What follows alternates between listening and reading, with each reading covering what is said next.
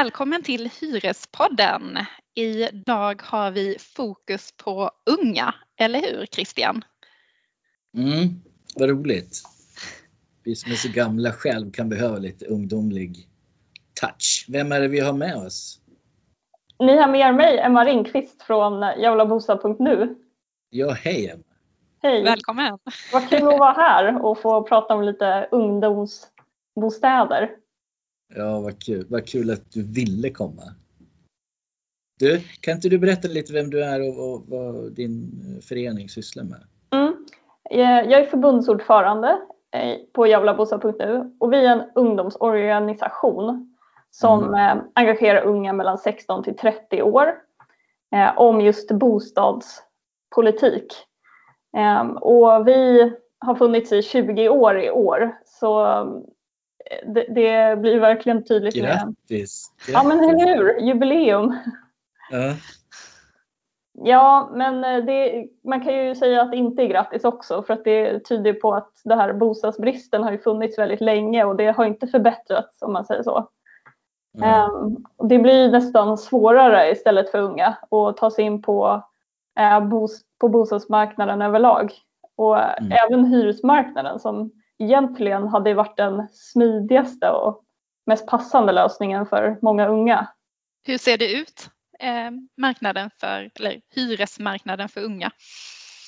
Ja, det är ju, i, i många städer så är det en väldigt lång bostadskö som gör mm. att som ung hamnar man ju längst bak i kön förstås eftersom man är kortast kötid. Um, så man får vänta väldigt länge. Men de lägenheterna som unga faktiskt ibland har chans på, det är nyproduktion. Mm. Um, och där har vi ett annat problem, att det som byggs idag är väldigt dyrt. Det blir en väldigt hög hyreskostnad. Um, och det är på ett sätt ganska bakvänt att unga som ofta har lägst ekonomi hamnar i de dyraste boendena också. Mm. mm. Så det är de två stora problemen. Köerna och kostnaden. Ja. Och du sa i början att det har nästan blivit, under de här 20 åren som ni har hållit på så har det blivit värre. Ja, det har blivit mycket fokus på um, mycket extra fokus på kanske att bostadsrätter och fokus på att man ska man har ändrat lite. Jag tycker att det har blivit en förskjutning i hur man ser på bostaden, att det är individens ansvar att lösa sin bostadssituation. Mm. Så det är jag själv som måste liksom eh, jobba jättehårt och spara alla mina pengar och eh, fixa en eh, boende, ett boende till mig. Mm. Istället för att se det som en del av infrastrukturen eller någonting som ska tillhandahållas mm. av samhället. Ja, det är ju inte alltid lätt för den enskilda att fixa sin egen bostad. Eh, särskilt om man är ung och inte har pengarna. Mm. Eh, så, så vad gör eh, Jag vill ha bostad nu för att försöka råda bot på detta? Ganska mycket olika grejer men jag skulle säga att vi har tre huvudsaker som vi ägnar oss åt och det är dels politisk påverkan. Vi pratar mycket med politiker och får faktiskt spela in i stora utredningar som görs av regeringen och så. Vi eh, jobbar med innovation, alltså vi kommer på konkreta lösningar på eh, bostadsbristen. Till exempel har vi ett projekt som heter Snabba hus som är hyresrätter som är på tillfälligt bygglov. Så vi har byggt eh, tre stycken i Stockholm, tre hus eh, med hjälp av Svenska Bostäder, allmännyttan alltså. Mm. Och den tredje grejen som vi gör det är konsumentupplysning. Och det är väldigt passande att vara den här podden idag då för att det, det är faktiskt eh, handlar ju om vad man kan om bostadsmarknaden. Det spelar jättestor roll om hur man blir behandlad på den och eh, Eh, det är väldigt lätt att bli utnyttjad som eh, ung, speciellt man kanske inte har koll på ens rättigheter. Så det är en mm. viktig grej som vi ägnar oss åt. Mm. Ja men det är ju perfekt övergång till, till dagens frågestund, eller hur? Absolut. Ja. Du har ju sammanställt de här konsumentupplysningsfrågorna. Är det de vanligaste frågorna eller hur, hur har du så att säga rangordnat de här frågorna som vi ska försöka svara på nu? Eh, jag skulle säga att eh, i början kommer det vara ganska mycket av de här vanliga frågorna som vi får. Mm. Eh, men sen är det några också instick som jag har lagt till som är lite speciella som kan vara eh, värt att tänka på också. Men mycket handlar ju om ungas boendesituation och livssituation. Mm. Eh, och sen också rättigheter och skyldigheter. Vad är det som gäller här egentligen? Mm. Yeah. Det ska ja, vi nog klara av att svara va Christian? ja vi kör igång får vi se. Vi svarar på det vi kan och sen mm.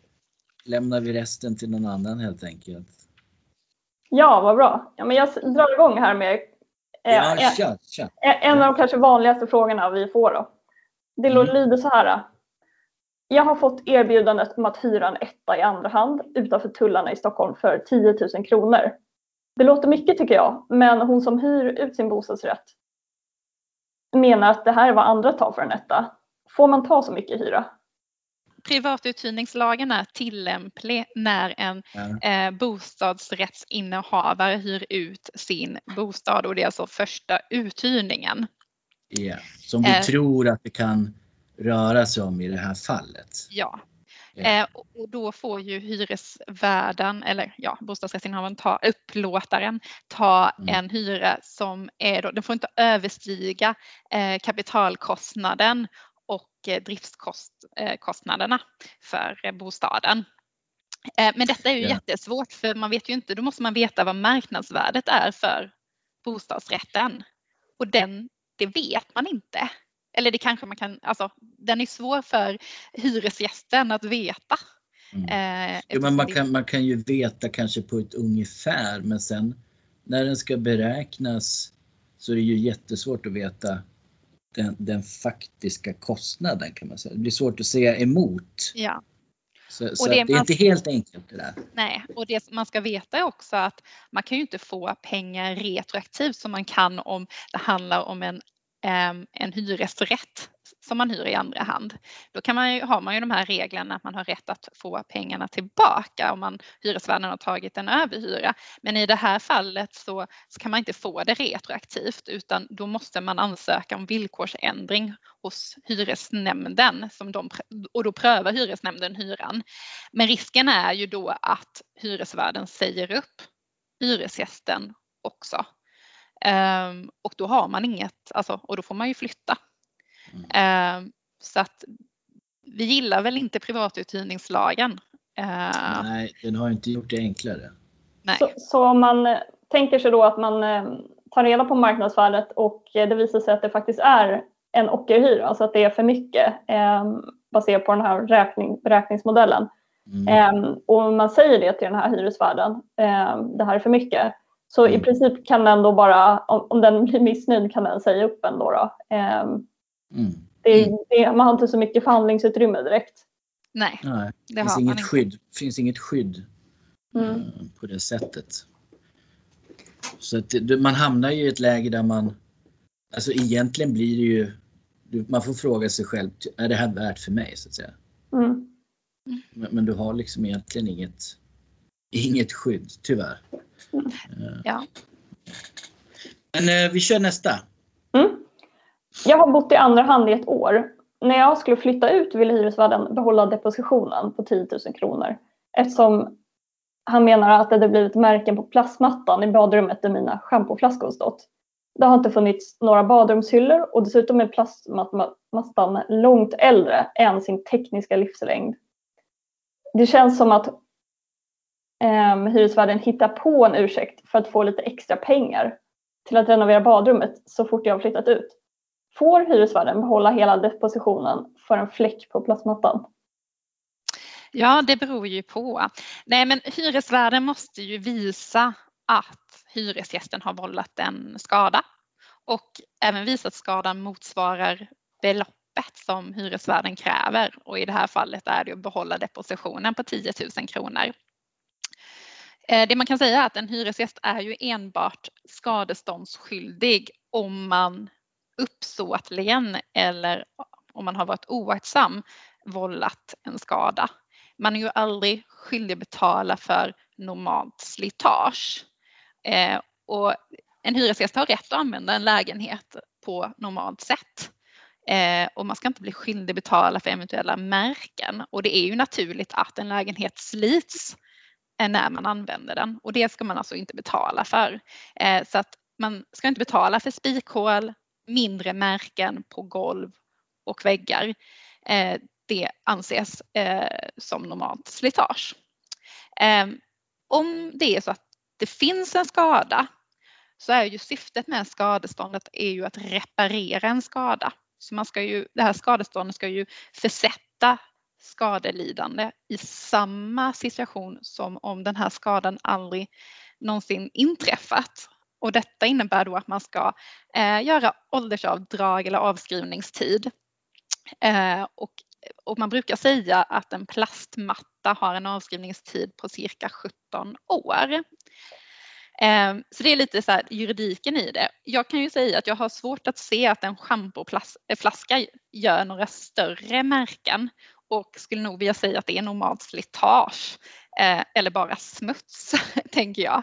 Eh, men man skulle man göra en bedömning att det är en skada och golvet är äldre än 17 år så är det också avskrivet. Eh, det finns ingen skada att ersätta. Så det är väl mitt svar på den frågan. Mm. Mm. Bra, men jag drar igång nästa fråga här då. Mm. Ja, gör det. Jag och min flickvän flyttade in i en hyresrätt för några år sedan. Nu har vi separerat.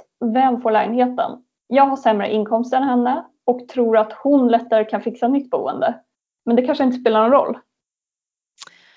Ja, alltså det är ju den som bäst behöver lägenheten som får den. Och framförallt tittar man då på om det finns barn i det här förhållandet, vem som kommer ha barnen. Nu eh, nämns inte några barn, så det kanske inte finns några barn. Men andra faktorer då som spelar in är ju den som har bäst möjlighet att hitta en ny eh, bostad. Eh, den får oftast då, eh, eh heter det, eh, den får lämna bostaden om man säger så. Eh, men det här är som sagt en familjerättslig eh, fråga så att eh, det sysslar inte Hyresgästförening med. Så att är det tvistigt vem som ska eh, få ta över eh, lägenheten, då ska man kontakta en familjerättsjurist. Om man är överens om vem som ska ha lägenheten så kan man faktiskt bodela lägenheten. Eh, och där är det viktigt att man inte säger upp lägenheten. För säger man upp lägenheten så kan man inte bodela.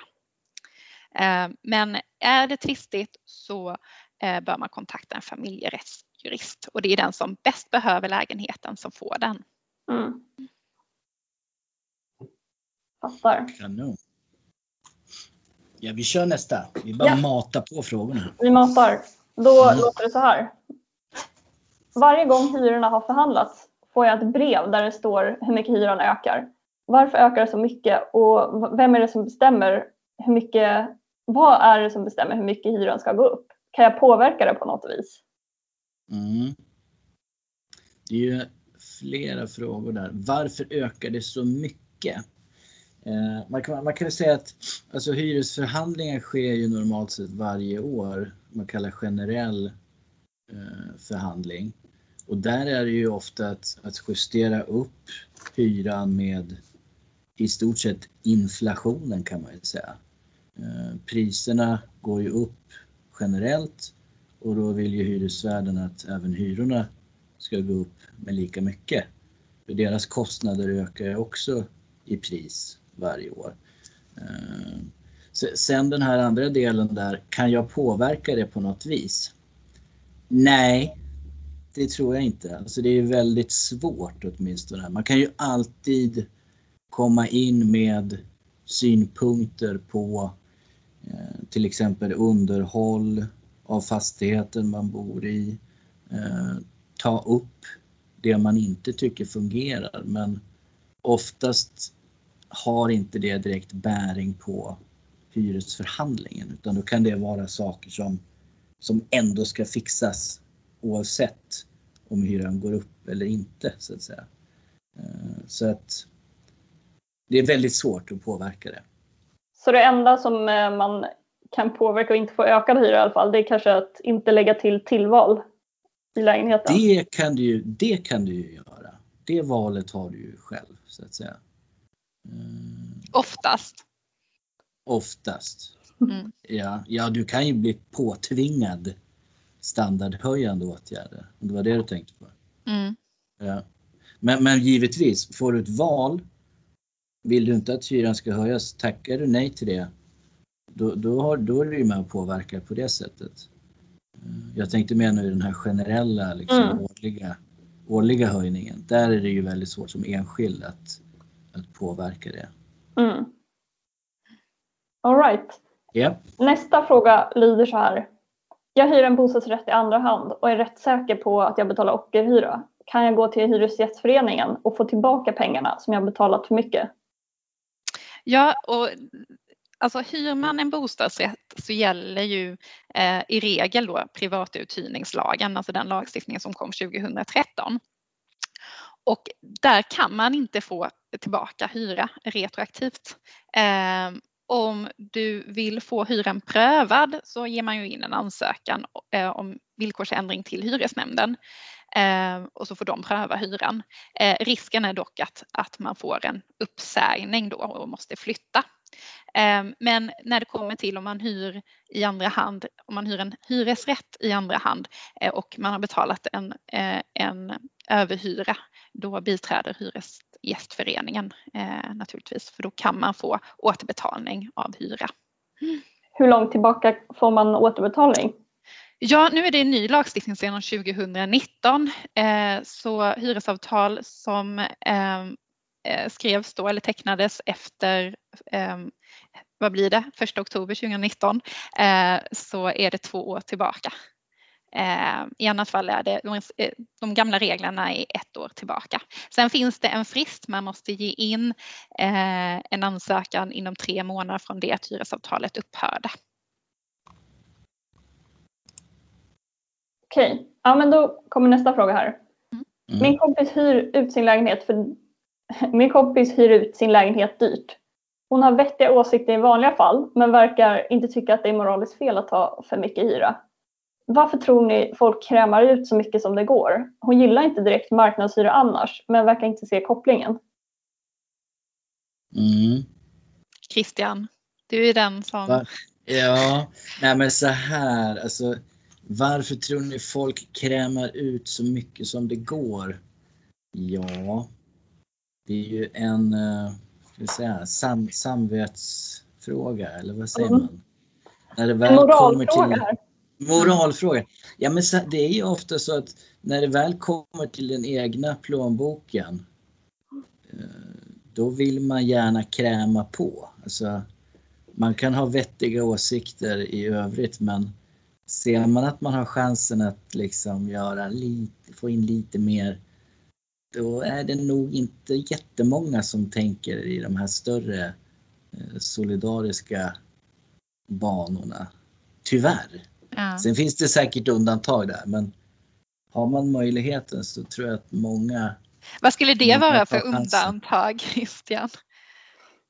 Ja, jag tänker ju på Tar man en överhyra så tänker jag att man är bara intresserad av att tjäna pengar. Ja men det är, med. Ja, men det, är det jag menar. Ja. Ja. Vad tror du Emma? Varför gör de så? Ja, jag tror man kanske inte tänker på ja, samhället i stort och man tänker nog men att det är så här det funkar. Alltså man ser kanske inte ens som något fel utan att eh, mm. Det är, det är, som att sälja, ja, det är okej, är som att sälja en vara på Blocket att eh, jag tar väl det, den som betalar högst får den. Liksom. Man, mm. man ser inte bostaden som eh, något viktigare än liksom, prylar. Eh, det tror jag. Mm. Man har liksom... Ja, nej, men det, det, är en jätteintressant fråga för att just att bostaden, det egna hemmet har den här särställningen så att säga vi vill ju inte se det som vilken vara som helst. Mm. Men det här marknadstänket kryper ju på där samtidigt som du sa i början det här eh, individualistiska att var och en ska betala själv. Alltså det, den här samhällsutvecklingen går ju åt det hållet liksom. Mm. Vi tar nästa. Ja. Min pojkvän och jag vill flytta ihop han bor i en tvåa bostadsrätt och jag bor i en hyresrätta. Han vill att jag flyttar in i hans lägenhet eftersom den är större och det vill jag också egentligen. Men jag är rädd för att jag hamnar i en kvinnofälla. Om vi gör slut kommer det ta flera år innan jag har tillräckligt med ködagar för att få en ny hyresrätt. Och jag har inte heller råd att köpa. Hur länge kan jag hyra ut hyresrätten och vågar jag verkligen säga upp den? Ja, alltså du har ju rätt att hyra ut din lägenhet i andra hand för att testa samboskap. Det är ett så kallat beaktansvärt skäl. Ehm, och hyresnämnden lämnar tillstånd. Om inte hyresvärden eh, lämnar tillstånd så kan man alltså gå till hyresnämnden och få tillstånd. Och hyresnämnden lämnar tillstånd max ett år, alltså ett år. Ehm, och därefter ska man faktiskt veta om det här samboskapet funkar. Ehm, och skulle man då hyra ut lägenheten utan tillstånd så riskerar man en, eh, en uppsägning. Eh, så att man, jag skulle säga att man har ett år på sig att komma fram till om det här funkar eller inte. Eh, sen måste man bestämma sig. Ja. Så är det. Ja, det är hårda bud. Ja. Nästa fråga då. Ja. I min kommun finns det inga, inte ungdomslägenheter hos eh, det kommunala bostadsbolaget. Måste man inte ha det? Ja, alltså det är en intressant fråga. Vi, vi ska väl villigt erkänna att vi är inte riktigt hundra på den. Eh, vi tror nog att vissa kommuner erhåller eller erbjuder ungdomslägenheter medan vissa andra inte gör det. Eh, så det kan nog skilja sig i ägardirektiven möjligtvis från kommun till kommun. Eh, sen har ju alltid kommunen ett övergripande ansvar att se till att det finns bostäder till de som bor i, i den egna kommunen så att säga. Men det rör ju alla. Så vi är lite osäkra på om, om just det här det här speciella med ungdomslägenheter, att det finns en sån eh, lagstiftning. Man kanske, det kanske du själv har koll på? Nej, jag, jag, tror inte att eh, jag tror inte man måste ha det, men man kanske nej, kan ringa nej. kommunen och eh, tjata ja. lite och be om att de ska skaffa det. Precis, det är det första tipset. Ring kommunen och fråga hur det ser ut i, i din egen kommun så att säga. Det tycker jag. Mm. Nästa fråga låter så här. Jag bor inneboende hos en tant. Jag har sett fakturan och vet att jag betalar lika mycket som henne trots att jag inte har tillgång till alla rum. Får man göra som det? Får man göra så? Ja, alltså är man inneboende så ska man alltså betala en proportionerlig andel av hyran.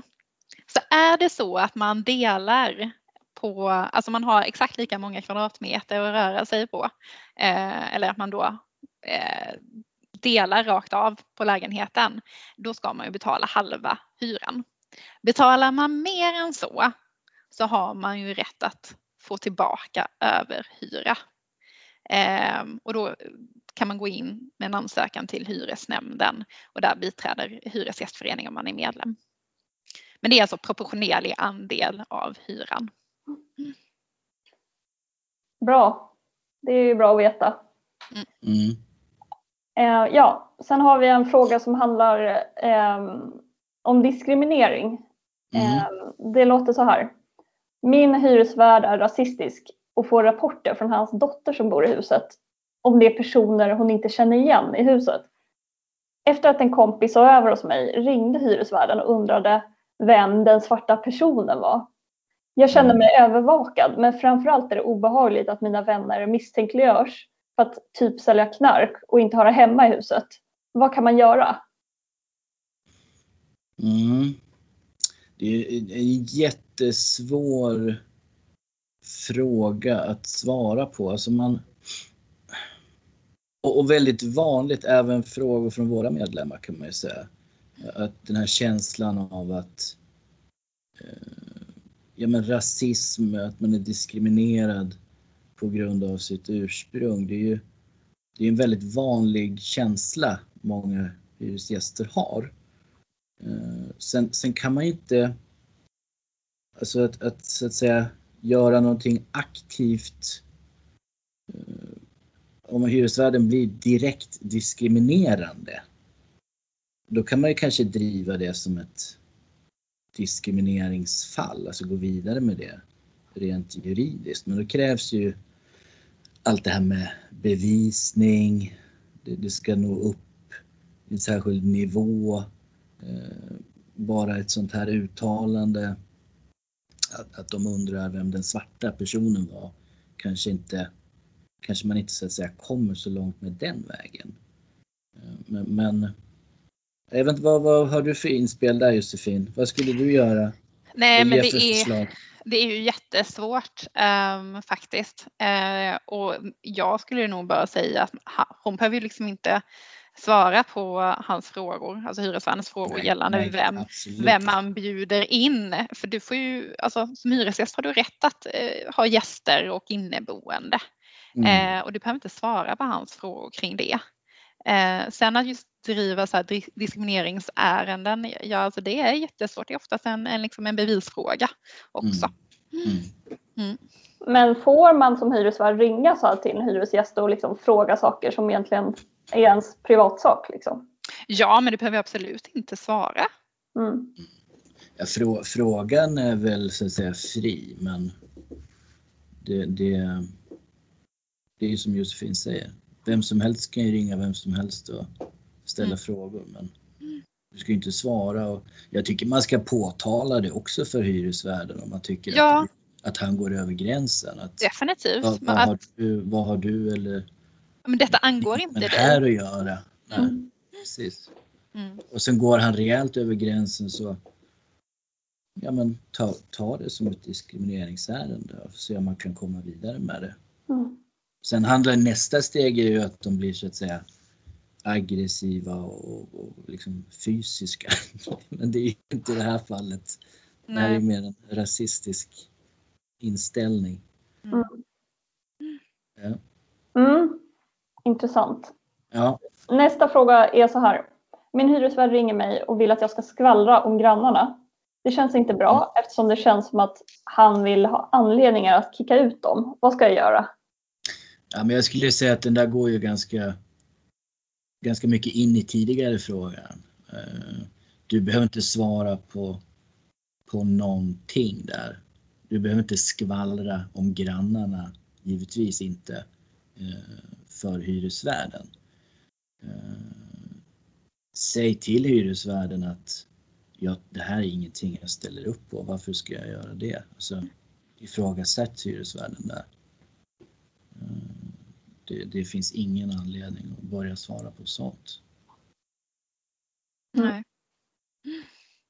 Det är ju liksom en, man är ju lite en beroendeställning när man är hyresgäst. Så, mm. eh, men, men trots att man känner kanske en press att göra det så ska man ändå liksom ha möjlighet att eh, avstå sådana här grejer som absolut går över gränsen. Ja, ja, ja. Jo, men jag menar, handlar det om skvaller så varför ska man ställa upp på sånt? Men det är en annan sak om det är rätt vanligt att grannar stör varandra på olika sätt. Eh, ljud, fester, rök och så vidare. Eh, och, och, där kan det ibland vara så att hyresvärden kanske är på jakt efter bevisning i sådana ärenden. Att man, hyresvärden kanske ringer runt och frågar, är du störd av den och den? Mm. Eh, och är man då störd, är man, är man då störd då kan det ju, då kan det ju vara läge kanske att berätta det. Mm. För att då kan ju hyresvärden använda det mot den här störande mm. personen. Mm. Men är det bara allmänt, något slags allmänt skvaller, det, det är ju mm. ingenting jag känner att man ska ställa upp på överhuvudtaget. Nej. För det ska man ju kanske klargöra att hyresvärden, när det kommer till störningsärenden så har ju hyresvärden utredningsskyldighet. Mm. Och det kan inbegripa att de ringer runt till grannar för att mm. höra om de delar liksom den eh, grannen som känner sig störd, om de delar dennes uppfattning. Eh, men eh, man behöver naturligtvis inte, man behöver inte medverka till det utan man kan eh, säga att nej men jag, det, jag har ingenting och jag vill inte medverka. Det har man rätt till. Mm. Ja, vad bra. Jag har en sista fråga här. Yeah. och det är den här frågan. Min hyresvärd vill att min partner ska flytta in... Min, nej, förlåt. Min hyresvärd vill inte att min partner ska flytta in i min etta eftersom hon tycker att lägenheten är för liten. får hon bestämma det? Eh, nej, eh, eller alltså det finns ju sådana villkor i avtalen, man max får vara så många personer i lägenheten. Eh, men man säger att oftast att sådana eh, villkor är oskäliga och de kan inte leda till någon uppsägning. Um, här verkar det inte ens finnas med i ett, i ett avtal utan det var bara vad hyresvärden säger. Eh, oftast har ju hyresvärden sådana villkor för att lägenheten slits mer eh, eller för att ventilationen inte är anpassad för för många personer i en lägenhet. Men för att, ett, för att hyresavtalet ska upphöra så krävs det ändå att det är så pass många boende att det har lett, alltså att det är till men för hyresvärden. Eh, exempelvis att det är mycket störningar och så vidare. Eh, och så vitt jag känner till så finns det ju bara ett sådant fall och det handlar om nio personer i en, i en etta. Eh, men ja, eh, men nej, eh, sådana eh, villkor är oftast, är i regel oskäliga och gäller inte. Mm. Ja, men tack för att ni har svarat på alla mina frågor som har varit här. Ja. Mm. Mina och mina, lite, från lite diverse håll kan man väl säga. Mm. Det var jättekul. Ja, det var, ja, det var roligt. Det, var roligt. Det, det, är ju lite blandat moral och juridik. Mm. mm.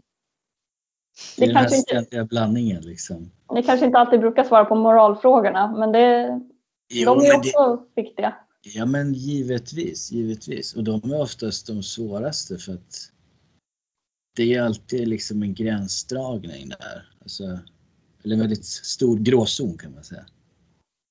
Det kan det i och för sig vara i juridikens värld också Josefin. Ja, det är mycket som kan vara i en grå som tolkningar. Ja. Ja. ja. men det var jättekul Emma. Mm.